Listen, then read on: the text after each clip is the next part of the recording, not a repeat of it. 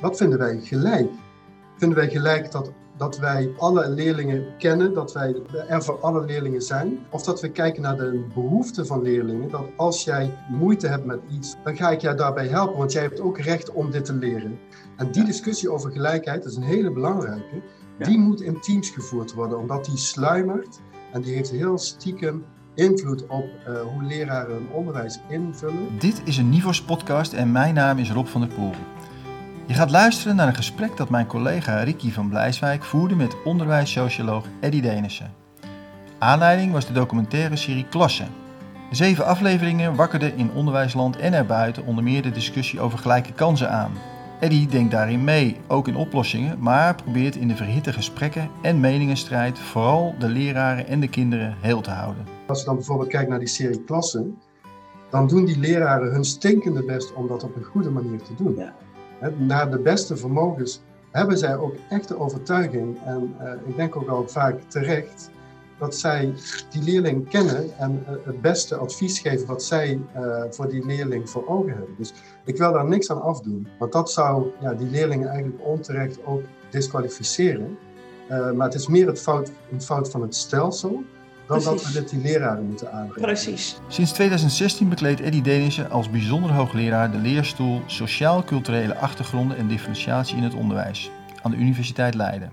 Hij spant zich in om het aandeel van ons onderwijs in de groeiende sociale ongelijkheid door te lichten. Denissen laat zien dat er verbanden zijn en dat de klem waarin het onderwijs verkeert en de druk die zich in het systeem heeft genesteld er een is van een grotere orde. We moeten ook echt goed oppassen dat we niet het probleem uh, bij de leraren op het bordje leggen. Want het is een maatschappelijk probleem. In een samenleving waarin die druk op succes zo groot is, daar, ja, daar kun je eigenlijk niet tegenop. En dan, ja, dan moet ik toch weer denken aan die uitspraak van Basil Bernstein, uh, ook weer lang geleden. Education cannot compensate for society. Wij zitten in een samenleving uh, die dit ook op een of andere manier veroorzaakt of, of legitimeert dat wij op deze manier met leerlingen omgaan en die druk zo uh, hoog leggen. Het grootste probleem volgens Denissen is dat we leraren in het huidige systeem dwingen om lineair te denken over de ontwikkeling van leerlingen, terwijl iedereen weet dat deze grillig verloopt en lastig te voorspellen is. Wil je dus determineren met een eindtoets, doe dat dan op de plek waar het aan de orde is, zegt hij, in het voortgezet onderwijs. Dus eigenlijk zou uh, alle brugklassen, wat mij betreft, uh, alle leerlingen moeten kunnen ontvangen en in de brugklas, in, een, in de onderbouw van het voortgezet onderwijs, daar kunnen leerlingen laten zien hoe ze de overgang ervaren hebben, hoe het begin van de puberteit verloopt, uh, hoe zij uh, in, een, in, het leren staan. En van daaruit kunnen ze nadenken over een carrière in het voortgezet onderwijs. Dat mag best gedifferentieerd worden, maar niet op basis van een advies van het basisonderwijs. Dus ja, ik ben echt heel erg voor het afschaffen van adviseren. Laten we dat nou eens niet doen. In alle klasseafleveringen zag Eddie Denissen bevestigd wat hij al wist. Dat leraren veel van hun leerlingen houden, dat scholen inderdaad bijdragen aan de kansen van kinderen en dat het adviseren in groep 8 zo snel mogelijk moet worden afgeschaft. Veel luisterplezier in de komende drie kwartier. Eddie, je richt je vooral op kansenongelijkheid, verwachtingen, selectie en differentiatie culturele diversiteit en ouderbetrokkenheid. Dat is een mond vol. Ja, klopt. Hoe is het zo gekomen? Ja, dat heeft allemaal met elkaar te maken. Als je aan het ene touwtje trekt, dan kom je vanzelf wel bij de andere thema's uh, terecht. Dus uh, ik ben ooit, uh, dat is weer lang geleden, gepromoveerd op een onderzoek naar gelijke kansen in het onderwijs. Naar opvattingen over onderwijs. waarom geven we onderwijs uh, op de manier zoals we het doen en, welke visies liggen daaronder. Um, en um, ja, als je daar werk van gaat maken, dan kom je erachter dat uh, de inrichting van het onderwijs een politieke arena is waar heel veel belangen en, en, en, visies en opvattingen elkaar tegenkomen. En waar heel veel processen plaatsvinden van uh, emancipatie, maar ook uitsluiting en integratie en selectie, ehm, die maatschappelijk gewenste en ongewenste effecten hebben. Uh, ja, en dan kom je toch al heel snel op vraagstukken rondom differentiatie, selectie, ouderbetrokkenheid. Wie profiteert er meer van onderwijs dan anderen? Uh, en wat vinden we daarvan? Zijn dat bedoelde effecten of onbedoelde? Dus zodoende ja, komen alle thema's selectie, differentiatie, ongelijke kansen, ouderbetrokkenheid, die, die komen dan allemaal bij elkaar uit. Eddie, het is um, nou 46 jaar geleden dat ik begonnen ben in een klas van 43 leerlingen in het, met, met kinderen van ambtenaren in Den Haag. Ik werkte in Rijswijk. En um, maar ik zit natuurlijk vlak tegen Den Haag aan. Dus in mijn opleiding ehm, ging het al over de Schilderswijk. Over ongelijke kansen. En ehm, al die tijd is het daar over gegaan. Is, heeft dat op de agenda gestaan. Ik las in die tijd boeken van Jo Kloprogge en Co van Kalkar. En die zoomde daar al op in. En nu komt hij uh, zo uh, november, december, zo'n serie klassen van Human. En in één keer lijkt dat het meest actuele onderwerp wat we de afgelopen twintig jaar op de onderwijsagenda hebben gehad. Hoe verklaar je dat? Ja, of, of zie ik dat verkeerd? Dat daar zou je een hele cultuurhistorische analyse van kunnen maken. Maar als ik zelf terugkijk naar mijn eigen uh, loopbaan, want ik ben ook al heel lang met het thema bezig. Uh, in de jaren tachtig begon ik uh, als studentassistent op het project Evaluatie van Onderwijs Voorrangsbeleid. Dus we hebben in het begin van de 20e eeuw, in de eerste helft en ook nog door naar de jaren 80, hebben we gezien dat onderwijs als emancipatiemachine heel serieus werd genomen. De Mammoetwet, allerlei ideeën ook die te maken hebben met de basisvorming, waarin we hebben nagedacht over de manier waarop we het onderwijs zo kunnen inrichten dat alle kinderen ongeacht hun achtergrond uh, de kans hebben om uh, succesvol te worden in de samenleving of een hoog diploma te krijgen. En um, nou, dat dat niet lukte, dus die analyses van uh, de, de, de, collega's waar jij het over hebt, van Heek met het talentenproject, daar begon het eigenlijk al mee.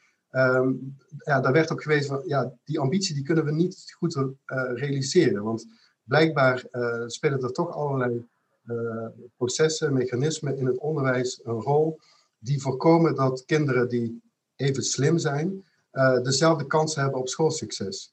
En uh, dat doet het onderwijs, doet daar ook een duitje in het zak. Hè? Met processen die in de school plaatsvinden, selectie, verwachtingen van leraren, de uitdaging die we verschillende leerlingen bieden, het beroep dat we doen op de intellectuele thuisomgeving dat ja, die factoren die spelen een rol in de kansen die kinderen krijgen. En dat is eigenlijk ongewenst.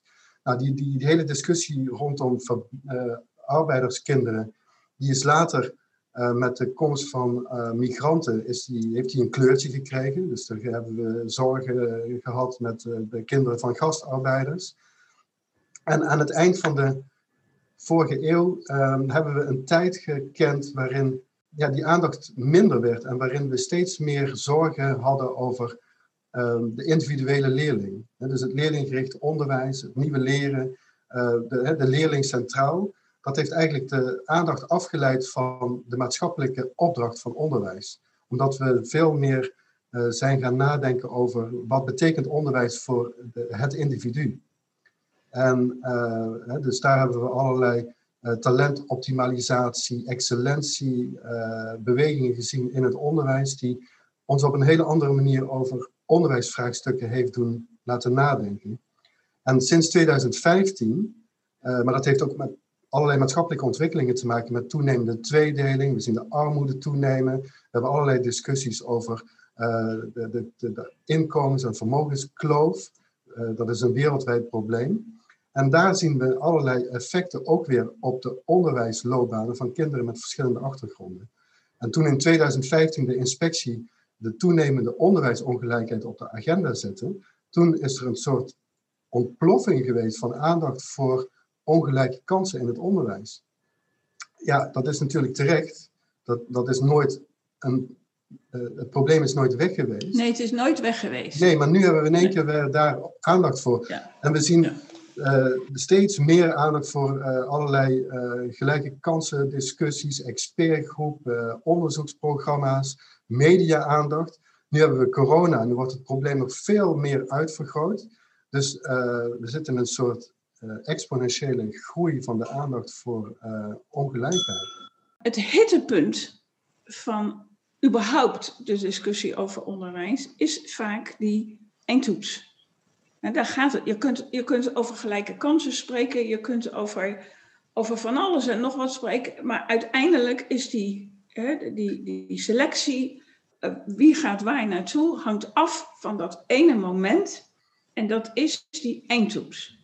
En ook in die serie klassen zie je kinderen, het, het, het is nog elf jaar pas, als ze praten over die eindtoets, alsof dat, en, en voor hen is dat ook zo, een, een, uh, een definitief verhaal wordt voor de toekomst van henzelf. Wat zij later gaan verdienen, ja. waar ze gaan wonen, wat ze gaan doen, enzovoort. Ja, en vergeet dan niet ook het advies. Hè? Dus het eindtoets en het advies. Precies. Dat zijn twee momenten. Precies. Ja. Uiteindelijk is het advies wat de leerlingen krijgen, is de, het, het, het, het toegangskaartje voor het voortgezet onderwijs. En die eindtoets die draagt daar wel, hè, die doet daaraan mee. Uh, dus uh, die speelt er wel een factor in. Maar de, de, het advies van die leerkracht in groep 8, dat is eigenlijk het belangrijkste moment in die, in die overgang. En wij zijn daar heel vroeg mee. Hè, dat, dat, enorm veel kritiek op het, het, vroege moment van selectie. Wat steeds ja, wat, wat, wat een bepalend moment is. Maar we zien ook wel, naarmate die tweedeling in de samenleving of de, ongelijkheid in de samenleving toeneemt, wordt die druk ook veel groter, omdat er steeds meer van afhangt. En dus je kunt je voorstellen dat als we wat meer nivelleren in, in ongelijkheid, dat er minder, het minder zwaar is of je nou een VWO of een VMBO-advies krijgt. En dat dan ook de druk op kinderen, want je ziet echt heel veel druk bij die kinderen, de stress bij de toets en, en, en zenuwen bij een ja. adviesgesprek. Ja. Dan, ja. Je krijgt medelijden met die kinderen, wat, wat doen we ze aan? Ja, nou ja, ik heb eens met een paar deskundigen gesproken.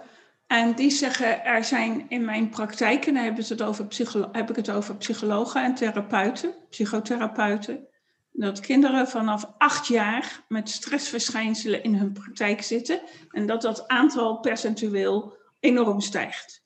Uh, de afgelopen jaren al. Nou, wat jij zegt, zo, zo zit ik er ook in. Je zegt daarbij ook de, de ongelijkheid in de maatschappij wordt groter. Dus wordt die druk ook steeds groter. En aan die ongelijkheid in de maatschappij kunnen we als leraren niet zo heel erg veel mee doen. Ja, het is heel mooi dat je dat zegt. Want we moeten ook echt goed oppassen dat we niet het probleem uh, bij de leraren op het bordje leggen. Want het is een maatschappelijk probleem. Dus Precies. we kunnen niet zeggen wij hebben deze samenleving, leraren of scholen, los het maar op.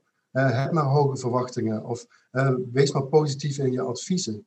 Um, in een samenleving waarin die druk op succes zo groot is, daar, ja, daar kun je eigenlijk niet tegenop. En dan, ja, dan moet ik toch weer denken aan die uitspraak van Basil Bernstein, uh, ook weer lang geleden. Education cannot compensate for society. Wij zitten in een samenleving die dit ook op een of andere manier ja, veroorzaakt of, of legitimeert dat wij op deze manier met leerlingen omgaan en die druk zo hoog leggen. Dus ik, ja, dat, dat vind ik wel echt een, een ook wel weer uh, verzachtend als het gaat over waar, hoe we leraren en scholen erop aanspreken. We moeten niet doen alsof leraren en scholen dat probleem van die ongelijkheid kunnen oplossen. Zeker niet. Maar, nou ben ik leraar in een klas. Maakt me niet uit welke groep maar laten we voor de gezelligheid groep 8 nemen. Um, die, die, die toets komt eraan. Er zijn kinderen um, allemaal begonnen ergens op hun vierde leven, ja, leeftijd. En uh, wat ga ik nu doen als leraar, of wat moet ik laten, om te zorgen dat en de kinderen gelijke kansen krijgen, want daar hebben we het over, en de druk wegnemen bij kinderen, en zelf ook nog leuk door het leven te gaan.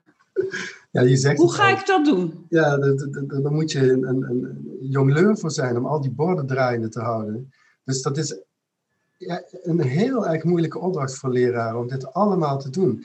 Dus je bent eigenlijk bezig met een spel spelen waarin uh, andere mensen de spelregels bepalen, maar waarbij jij zelf ook nog mee wil uh, bepalen eh, hoe dat er voor jou uitziet. Hè? Dus je moet meedoen met het spelletje van selecteren en differentiëren en determineren.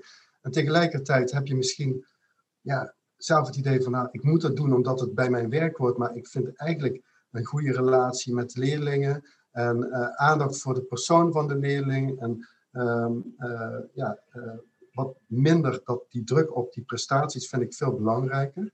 Dus ik zit daar in een soort ja, ehm, professioneel conflict, hè, een intern conflict, wat ik heel veel leraren zie hebben, omdat ze aan externe en aan interne verwachtingen willen voldoen. Dat is heel, dat is heel veel gevraagd.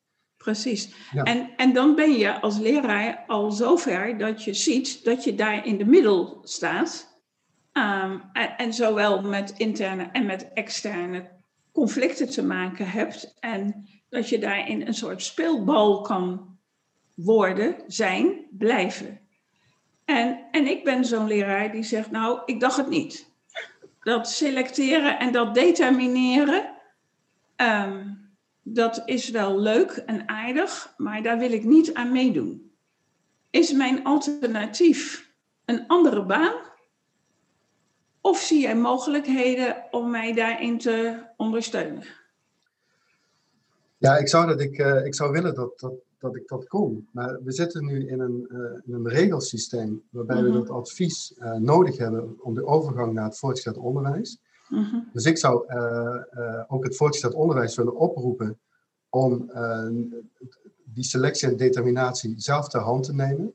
dus ga niet die leraren in groep 8 dwingen om die adviezen te geven en om voorspellingen te doen voor leerlingen, want dat, dat lukt helemaal niet. En je kunt niet in groep 8 voorspellen wat een leerling voor einddiploma gaat halen. Want no way. en je ziet ook dat dat... bestaat niet. Nee, dus je, je, we dwingen ook leraren, en dat vind ik nog het grootste probleem, we dwingen leraren om lineair te denken over de ontwikkeling van leerlingen. Ja. Want je kunt een grillige ontwikkelingslijn moeilijk voorspellen, dus de beste voorspelling die je kunt doen, is lineair doordenken van uh, de ontwikkeling uit het verleden. En als je aan leraren vraagt uh, of leerlingen zich lineair of uh, grillig ontwikkelen, dan zal niemand zeggen dat een leerling zich lineair ontwikkelt. Maar zo hebben we wel het systeem ingericht.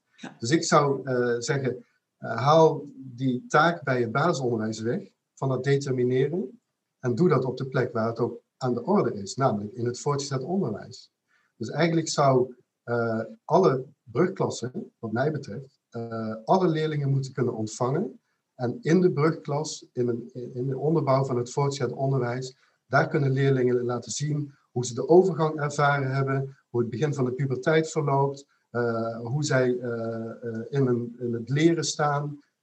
en van daaruit kunnen ze nadenken over een carrière in het voortgezet onderwijs. Dat mag best gedifferentieerd worden, maar niet op basis van een advies van het basisonderwijs. Ik, dus ja, ik ben echt heel erg voor het afschaffen van adviseren. Laten we dat nou eens niet doen ik, ik, ik wil daar graag. Nou, ik ben heel blij dat je dit zegt. Ehm, zoals ik al eerder tegen je zei, ik uh, ga graag naar de Essential Schools in, uh, in Boston en New York. Ze zijn verspreid over heel Amerika, maar dit, dit zijn de steden die het dichtst bij zitten.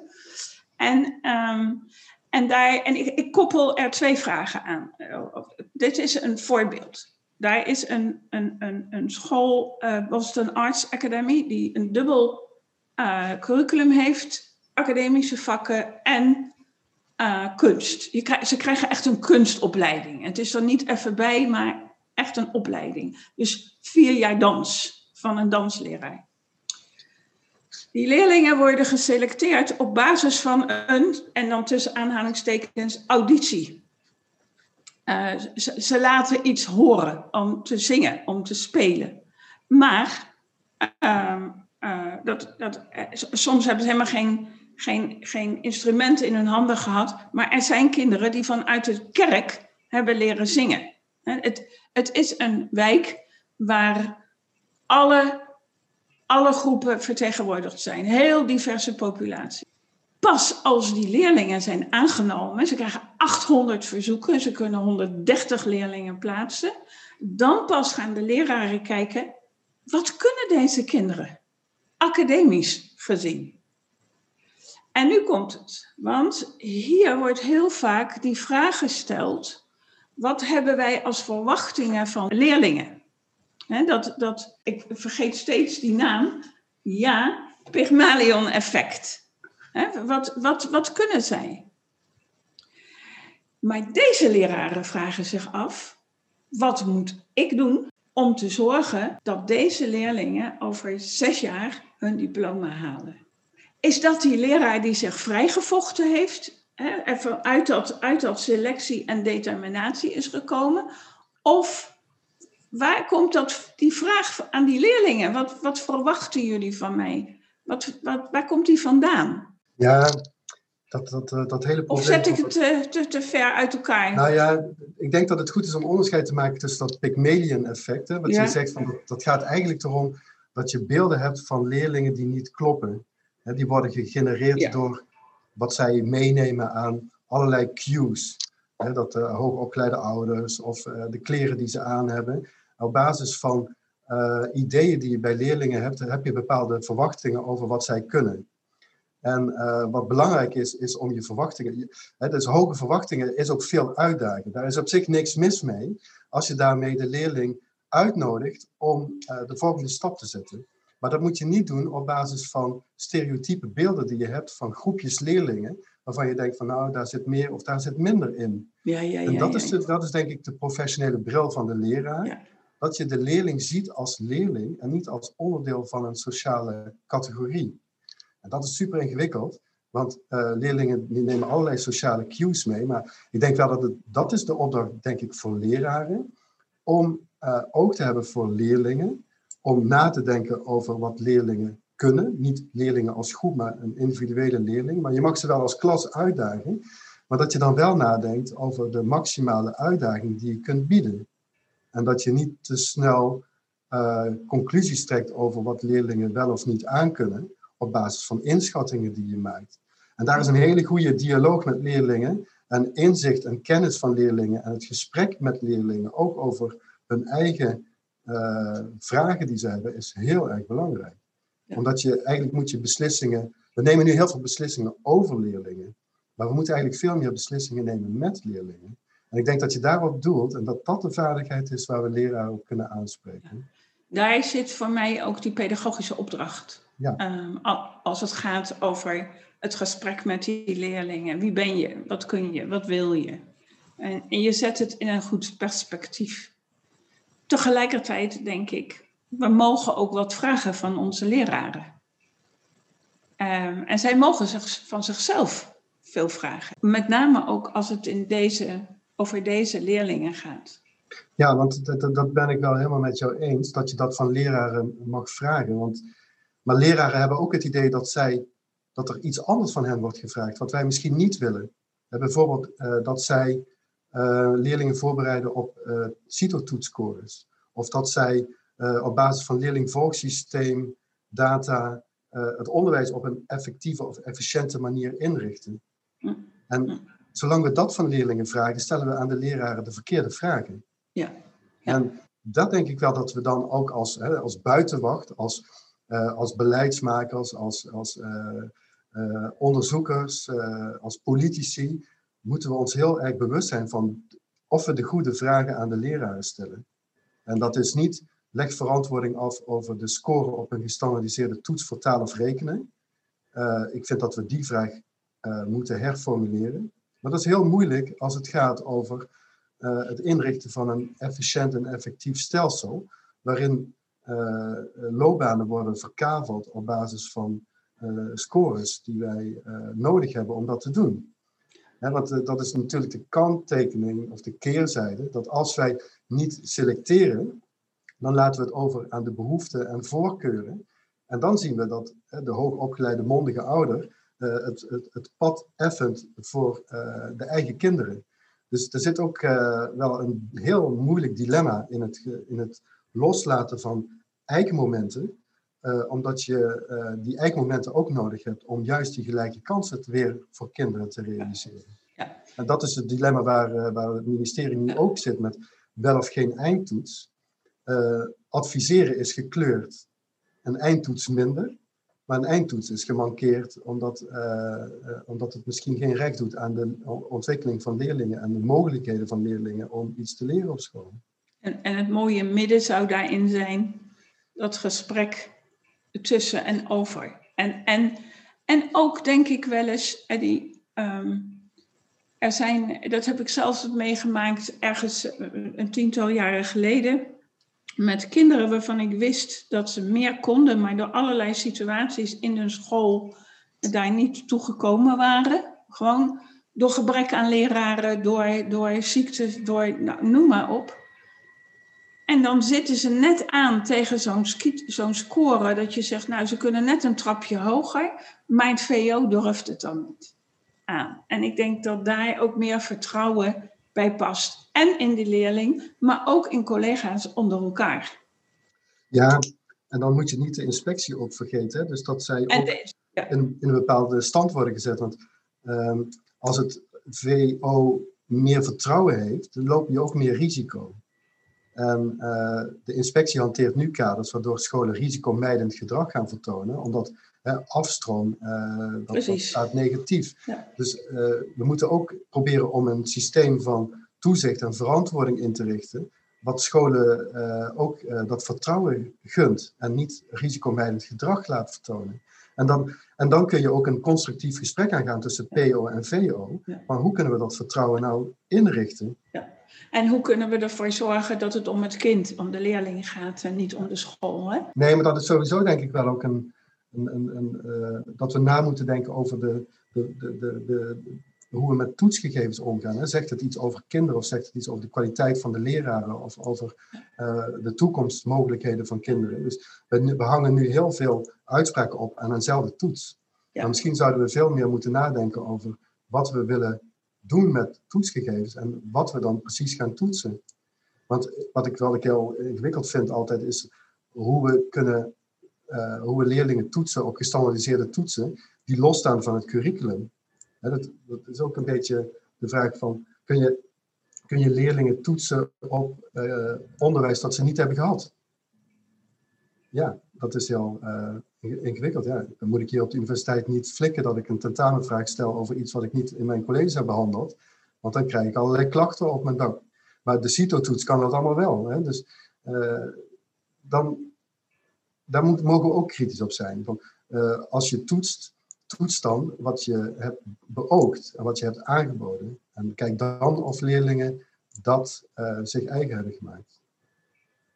Goed lesgeven, daar gaat het om ja, goed lesgeven en de toets gebruiken als een, als een manier om zicht te krijgen op uh, of dat lesgeven ook wel heeft geleid tot de beoogde leeractiviteiten van leerlingen. Ja, een reflectiemoment. ja, ja. Nu hadden we het net over de selectie, um, uh, maar er zijn ook goede voorbeelden hè?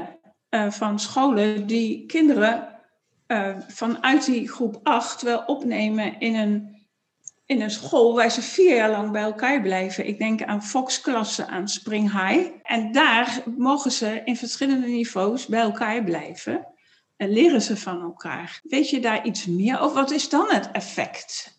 Is daar al naar gekeken? Nee, daar weten wij veel te weinig van. Er wordt veel te weinig, wij, weten, wij doen wat dat betreft te weinig onderzoek naar uh, de effecten van, uh, van, hoe we, van die inrichting van, van onderwijs. Ja. Je kan er allerlei voorspellingen voor doen op basis van onderzoek en uh, ervaringen in andere landen. dus dat als je later selecteert, zie je een minder effect van de opleiding van ouders op de schoolloopbanen van leerlingen. Uh, zie je ook uh, meer effecten op sociale cohesie, wat minder segregatie van leerlinggroepen. Dus ja, ik zou het heel interessant vinden om, dat goed, om daar meer inzicht in te krijgen. Maar ja, ik gun alle leerlingen dat zij niet te snel worden weggeselecteerd. Uh, en dat doen we niet te veel, uh, door met vaste hokken te werken waar we die leerlingen instoppen. Mooi, mooi. Nou, laat dat, laat dat een punt op de horizon zijn waar we gezamenlijk aan kunnen werken. Um, en daar wil ik nog wel bij opmerken dat ik ja. ook zie dat, als je dan bijvoorbeeld kijkt naar die serie klassen, dan doen die leraren hun stinkende best om dat op een goede manier te doen. Ja. Naar de beste vermogens hebben zij ook echte overtuiging, en uh, ik denk ook al vaak terecht, dat zij die leerling kennen en uh, het beste advies geven wat zij uh, voor die leerling voor ogen hebben. Dus ik wil daar niks aan afdoen, want dat zou ja, die leerlingen eigenlijk onterecht ook disqualificeren. maar het is meer het fout, een fout van het stelsel dan Precies. dat we dit die leraren moeten aanbrengen. Precies, ja. Nou, dat, dat vind ik een hele belangrijke uitspraak. Um, want dat zie je ook inderdaad. Zo'n zo'n leraar die aan het eind van klasse zegt tegen Anissa: ik ben er voor je. En dat ook waarmaakt. Dat ook gewoon waarmaakt over de vakantie heen. Dus daar ligt het niet aan. En we kennen talloze leraren, scholen waar kinderen heel, heel erg goed begeleid, opgevangen worden. Ehm, niet alle maatschappelijke problemen kunnen worden opgelost, maar ik denk dat dat stelsel en die leraar en die leerling in de knoop uh, uh, zetten en, en daar niet meer uit kunnen komen. Nou gaf je net aan um, dat er een rapport is uitgekomen, heel recent. Nou, het is een, het is een, uh, een pamflet. Het is een 1 A4'tje van de PO-raad, kansrijk adviseren. Waarin er dus wordt geprobeerd, om, hè, leerlingen hebben door corona en de schoolsluiting allerlei verschillende leerervaringen opgedaan, meer of minder meegekregen van het curriculum. Uh, uh, er wordt heel erg geroepen over toegenomen achterstanden. Maar toch willen we die overgang op een of andere manier inrichten. Of in ieder geval, ik wil het niet, maar het ministerie wil dat. Dus, dus, toch adviseren en die eindtoets afnemen, want we moeten wel door.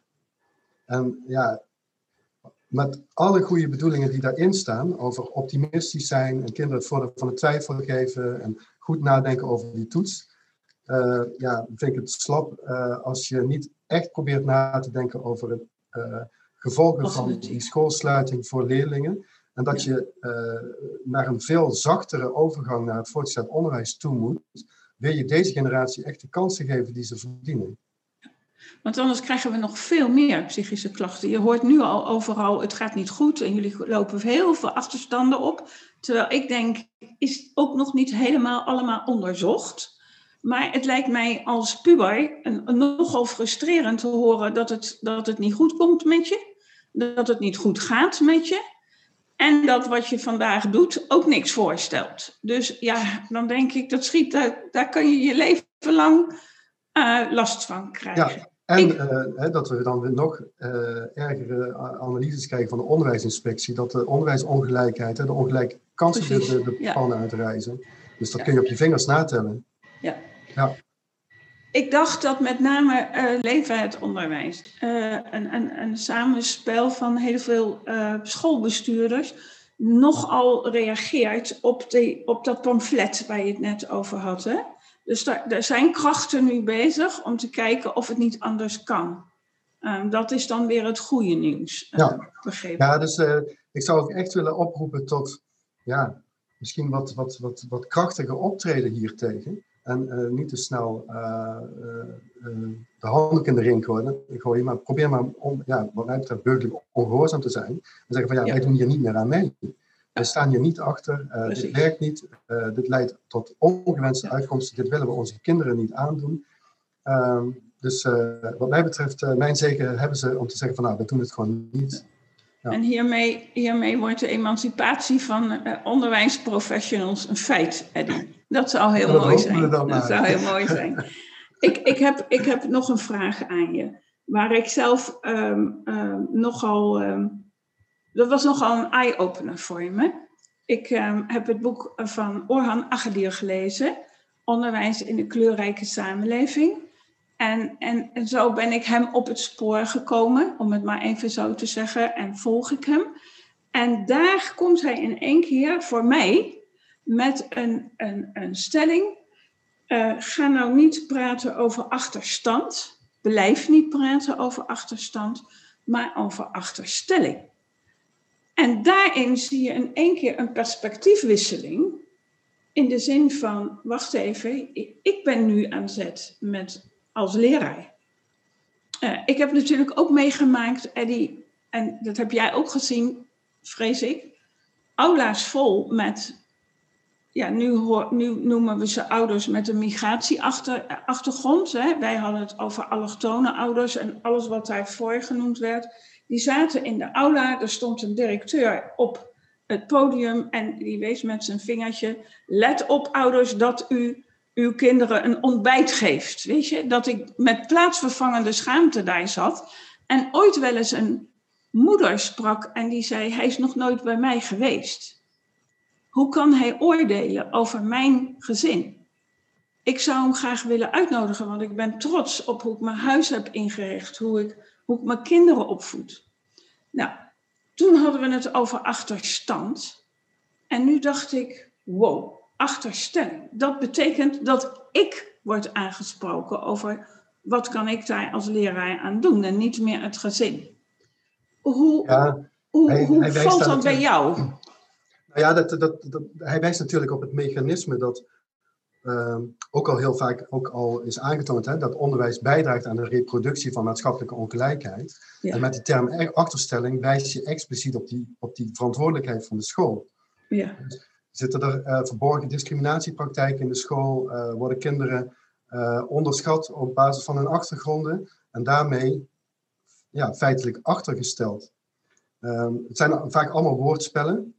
nu ook heb je het over achterstelling achterstand of vertraging? Of uh, hoe moeten we uh, de verschillen tussen leerlingen typeren? Maar de keuze van de woorden zeggen inderdaad iets over wie zich aangesproken moet voelen.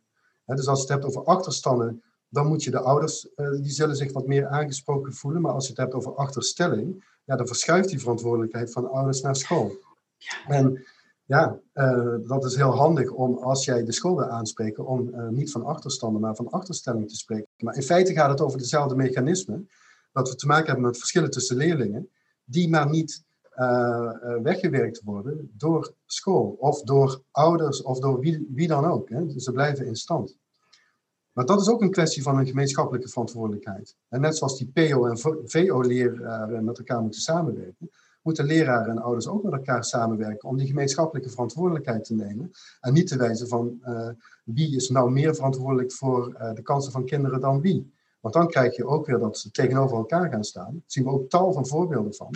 Maar ook daar is mijn boodschap, neem de verantwoordelijkheid gezamenlijk op en werk daarin samen. En ga niet elkaar de maat nemen in wie nou het meest verantwoordelijk is. Dat schiet niet op. Dat schiet niet op. Het is altijd gezamenlijk. Precies. En, en dan kom ik bij het boek, hè, waar ik, en dat zie ik dan uit een, dat, schrijf je, dat schrijven jullie, hè, want het is, het is, jij bent een van de auteurs, naast Linda van den Berg en Monique Volman. Um, de rol van het onderwijs in sociale ongelijkheid. Ik wil aansluiten op wat je net zei. Het is een gezamenlijke opdracht, ouders, leraren. En in jullie boek um, heb je teksten geschreven om in te lijsten. Ik dacht toen ik dat las, als ik nu op een school zou zijn, zou ik ze kopiëren, vergroten en ophangen. In de school. Ik ben altijd van hang op wat je vindt, wat, dat, je zo dat je dagelijks loopt in je eigen missie en visie. Um, zodat je daar elke keer weer woorden aan kan geven, naar kan verwijzen. En één daarvan is: neem angsten van ouders serieus. Laat zien dat ook jij het beste met hun kind voor hebt. En daar raak je die ouders en leraren samen. En dan heb je het over, neem angsten van ouders serieus. Wat zouden hun angsten zijn? Ja, iedere ouder wil natuurlijk het beste voor het kind. En um, dat is natuurlijk de uh, kwestie die dan speelt ook in die overgang. En dan hebben we het weer over die overgang van basis naar voortgezet onderwijs. Van, komt mijn kind wel goed terecht? Um, maar ook uh, doe ik het wel goed uh, om mijn kind um, uh, thuis op een bepaalde manier te ondersteunen? kan ik het wel? Hè? Dus dat, dat gevoel van doelmatigheidsbeleving of self-efficacy, zoals we dat noemen van ouders, is heel belangrijk om ook een positief gevoel te krijgen bij de opvoeding van kinderen. En het gevoel hebben dat je meedoet in het stimuleren van de ontwikkeling van kinderen. En um, ja, ouders voelen zich vaak ook wel daarin uh, beoordeeld door leraren, uh, omdat zij partner zijn in het hele ontwikkelproces. En dus als jij uh, taken meegeeft aan leerlingen, dan hoop je ook dat dat thuis gedaan wordt en dat ouders daar ook een rol in spelen. Of dat ouders in ieder geval interesse en betrokkenheid tonen bij het onderwijs. En ja, dat roept allerlei vragen op bij ouders die vaak zich niet zo competent voelen of die niet goed weten hoe ze dat nou het beste kunnen doen uh, daarover bezorgd zijn. Ouders hebben allerlei vragen en, en twijfels over uh, hoe zij nou het beste kunnen meedoen uh, als partner in onderwijs met leraren. En daarin moet je denk ik ook goed naar ouders luisteren. En net zoals je beslissingen neemt met leerlingen, zou moeten nemen, moet je daarin ook de ouder als een serieuze gesprekspartner zien. En niet te snel vanuit een eenzijdig sturend verwachtingen gaan, gaan communiceren of meedelen. Maar ook echt proberen te luisteren naar ouders. Dat is heel erg belangrijk. Ja. ja, want ook ouders met een migratieachtergrond, dat is onderhand de derde generatie. Ja. Ehm, die mensen hebben gestudeerd. Die, ja, ja, ook. Maar die, Dus dat is ook van wel, heb jij. Uh, uh, heb je dat wel door als leraar? Hè? Dat, dat, dat, dat, je ouders tegenover je hebt uh, die er ja, misschien uitzien als laaggeletterd, maar die het helemaal niet zijn. Dus in hoeverre heb jij last van stereotype beelden of vooringenomen verwachtingen als jij met mensen in contact komt? Want als jij misschien niet heel vloeiend ABN spreekt, dat wil helemaal niet zeggen dat je niet hoog opgeleid bent. Dus, en dat is ook wel wat ik dan bedoel met luisteren naar ouders. Stel vragen en maak niet te snel, ga niet te snel aan, van aannames uit of veronderstellingen. En daar heb je een goede relatie, wederzijdse communicatie en goed contact heb je daarvoor nodig. En, en dan gaat het steeds over de individuele leraar. Um, waarvan ik denk, ook denk, hè, het zijn soms mensen van 22, 25 jaar. Als ik zelf terugkijk naar wat ik toen wist en deed en kon, denk ik, nou, komt wel een tandje bij. Maar je hebt ook een team. Ik, ik denk ook heel vaak, dit zijn thema's die je in een team bespreekt. Um, heb jij daar ervaringen mee? Hoe je dat, ben jij in teams en wat doe je dan? Wat hoor je dan? Nou, wat ik in ieder geval wel uh, merk, is dat je uh, uh, het, het, gesprek met elkaar moet, moet aangaan, ook als het gaat over lastige dilemma's. Waar wij, dat ook met Limit van den Berg hebben we gewerkt aan een, een project voor raak, het omgaan met verschillen. En daarin hebben we ook gemerkt dat binnen teams er heel wat verschillen zijn in, in visie en opvattingen over omgaan met verschillen in de klas en verwachtingen die, leerling, die leraren van leerlingen hebben. Dus ja, ik zou willen dat dit soort thema's die we nu hebben besproken, dat dat ook gewoon onderwerpen zijn voor teamoverleg en vergaderingen. Van wat vinden we nou eigenlijk belangrijk? Waar staan wij voor? En om dat dan door te denken naar uh, ja, jouw uh, lespraktijk en, en, jouw dagelijkse omgang met leerlingen en ouders. Dus ga daar in ieder geval het gesprek over aan en heb niet het idee dat je dat allemaal in je eentje moet gaan uitvogelen. Want dat collectief is super belangrijk. Alleen nu, hebben we, nu zie ik toch nog wel heel veel variatie in, uh, in, in, in, beelden en opvattingen van uh, leraren binnen hetzelfde team. Dus teamoverleg, maar ook teamontwikkeling uh, is daar denk ik een hele belangrijke voor, zeker.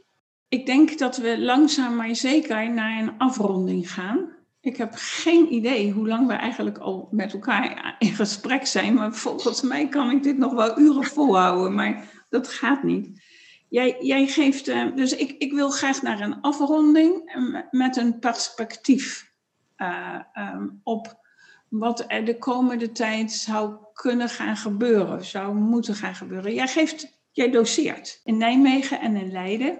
Jouw studenten gaan dadelijk de praktijk in. Ik neem aan ook de onderwijspraktijk. Wat hoop je dat jouw studenten gaan doen? Ja, ik hoop dat ze heel uh, kritisch blijven kijken en overal vragen blijven stellen. dus ik denk dat het, uh, dat vind ik heel belangrijk uh, als, ja, als boodschap voor mezelf dan als docent. Dat je studenten leert om overal vraagtekens bij te zetten en kritische kanttekeningen bij te plaatsen. En niet zaken als vanzelfsprekend beschouwen. En net zoals ook weer dat wat we nu zien in de, de, overgang van PO naar VO, dat adviseren en die eindtoets. We gaan er heel erg vanzelfsprekend vanuit dat we kinderen moeten toetsen, dat het systeem eruit ziet zoals het eruit ziet, hè, dat leraren uh, op een bepaalde manier een lessen vormgeven. Nou, waarom eigenlijk? en kan het, kan het niet anders, kan het niet beter? Dus nadenken over vanzelfsprek, van, van, vanzelfsprekendheden die ter discussie stellen, maar ook nadenken over hoe het anders kan. En dan het liefst nog uh, gebaseerd op uh, nou, wat, je, wat je daadwerkelijk ziet. Daar zijn we ook wel academisch voor. Um, geeft de empirie, uh, de wereld om je heen, geef je dat voldoende bewijs, op welke manier dan ook, uh, om jouw mening op een goede manier te onderbouwen of bij te sturen. Ja, dat, dat hoop ik dat ik mijn studenten meegeef. En als het goed is, komen ze dan vanzelf wel uit op allerlei mechanismen in ons onderwijs die, ja, die discutabel zijn en die misschien anders kunnen. Ja, misschien anders kunnen, nou zeker weten anders moeten. Ja, dat is een moeilijke, want dat moet, wie zegt dat dat moet? Hè? Dat is natuurlijk wel gekleurd. Uh, we moeten dat vanuit een bepaald idee. dus als we uitgaan van uh, de beste, het beste onderwijs voor alle leerlingen en het gelijke kansen bieden voor iedereen, ja, dan is die urgentie groot. Ja. moeten is altijd wel iets normatiefs, maar ik vind wel dat dat wel ja, nu verantwoord is dat we het hebben over een, uh, een dringende oproep aan het onderwijs om het anders te doen. Nou ja, Eddie, toch nog even een kritische vraag van mij. Ik kom, ik kom uh, uh, vanmorgen heb ik gewerkt aan een artikel over de grondwet. In relatie tot wat er de afgelopen maanden allemaal gebeurd is hè, in onderwijs. en naar aanleiding van onderwijs, dus moord op partie bijvoorbeeld, vrijheid van meningsuiting, noem maar op. En daar zie je in artikel 1 natuurlijk wel, um, iedereen is gelijk. niemand uitgezonderd. Dus ook deze kinderen hebben recht op goed onderwijs. En als je dan zegt, het systeem kan belemmerend werken, dan hebben we een opdracht met elkaar. Ja, nu ga je wat mij betreft al heel ver door uh, gelijke kansen artikel 1 te koppelen. Omdat ja, dat hebben we natuurlijk ook wel, hè, als je dan uh, de literatuur over gelijke kansen erop naslaat, dan hebben we natuurlijk daar ook wel allerlei verschillende opvattingen over. Van, ja. Wat betekent dan gelijk? Is gelijk dat jij evenveel uh, van het onderwijs mag profiteren? Of is het gelijk dat jij dezelfde doelen haalt als andere leerlingen. Dus wat, wat vinden wij dan gelijk? En dan kom je, in een, kom je ook weer in een discussie uh, van wat vinden wij nu gelijk? Omdat dat lastig is, is die gelijke kansen niet zomaar uh, aan de grondwet te toetsen. Ik zou me daar niet aan durven wagen. Ik merk dat ik, in een, in, dat ik, dat ik daar in een soort defensief schiet als je dit zegt, omdat ik. Uh... Nee, maar ik moet misschien die, dat artikel 1 eruit halen, maar die gelijke kansen, dat is wel interessant. Dat artikel 1, dat moet eruit. Ja. Maar die gelijke kansen, wat je, zoals jij dat schetst, van, betekent dat dat we iedereen um, uh, gelijk onderwijs moeten geven of dezelfde doelen moeten halen, of dat iedereen recht heeft op goed onderwijs. Ja, en, en dus je moet altijd dat aanvullen. Dus als je het hebt over gelijke kansen, dan moet je zeggen gelijke kansen op en dan komt er iets. En dan heb je gelijke kansen op een uh, welvarend leven, gelijke kansen op het behalen van een bepaald diploma, gelijke kansen op liefde en aandacht van de leerkracht. Waar heb jij gelijke kansen voor? Ja. En dat is niet allemaal hetzelfde. Nee, dat is zeker niet allemaal hetzelfde, maar als leraar neem je de verantwoordelijkheid op je om te zorgen dat, dat, dat, dat, dat daar een antwoord op komt. Dat is één. Ja, maar, in, maar in, de, en dat, dat is juist waar het vaak in de teams uh, de discussie over gaat. Van wat vinden wij, wat vinden wij gelijk? Vinden wij gelijk dat, dat wij dat we alle leerlingen kennen, dat wij voor, er voor alle leerlingen zijn? Of dat we kijken naar de behoeften van leerlingen, dat als jij uh, moeite hebt met iets of je hebt een wat minder stimulerende context, dan ga ik jou daarbij helpen, want jij hebt ook recht om dit te leren. Dat is gelijkheid. En die discussie over gelijkheid, dat is een hele belangrijke, die moet in teams gevoerd worden, omdat die sluimert en die heeft heel stiekem invloed op uh, hoe leraren hun onderwijs invullen. Uh, maar dat, moet, uh, dat kun je veel meer richting geven als je het expliciteert en daar ook je ambities op, op, op uitspreekt. En dat heel is een hele belangrijke. Ja, ik, ja. Denk, ik, denk, ik denk zelfs wel het meest basale wat mm. we nu tegen elkaar gezegd hebben. Eddie, um, als afronding op deze, van deze podcast, ben ik, zijn wij iets vergeten om te vertellen, om, om, aan te raken? Ja, zeker, maar daar hebben we al die andere podcasts voor. Hè? Dat, uh, gelukkig hoeven we dat niet allemaal in één sessie allemaal te gaan bespreken. Nee, dit is een, ja, hier kun je, hier kun je eindeloos over doorpraten, want we hebben het nog allemaal helemaal niet gehad over allerlei verschillende scholen en over denominaties, over allerlei pedagogische didactische stromingen die we tegenkomen. We kunnen hier nog eindeloos op doorgaan. Ehm, maar ja, we hebben niet een podcast van, van, van 100 dagen. Dus, maar dat, ja, dat zal ongetwijfeld op andere momenten alweer tot sprake komen. Daar hou ik je aan. We gaan nog een keer met elkaar in gesprek over een ander thema dat hieruit volgt. Ja. Heel hartelijk bedankt. Dit was weer een aflevering in een lange serie Nivos podcast. Laat ons weten wat jij hebt gehoord, je waardering of wat je hebt gemist. Voor meer podcasts van Nivos verwijs ik je naar onze website waar je andere afleveringen kunt beluisteren. Of naar Spotify of Apple Podcast, waar je Nivos ook kunt volgen en bij elke nieuwe aflevering een seintje krijgt. Stichting Niveau sterkt leraren en schoolleiders bij de uitvoering van hun pedagogische opdracht. Voor meer informatie over onze activiteiten, publicaties en opleidingen zie ook www.nivos.nl.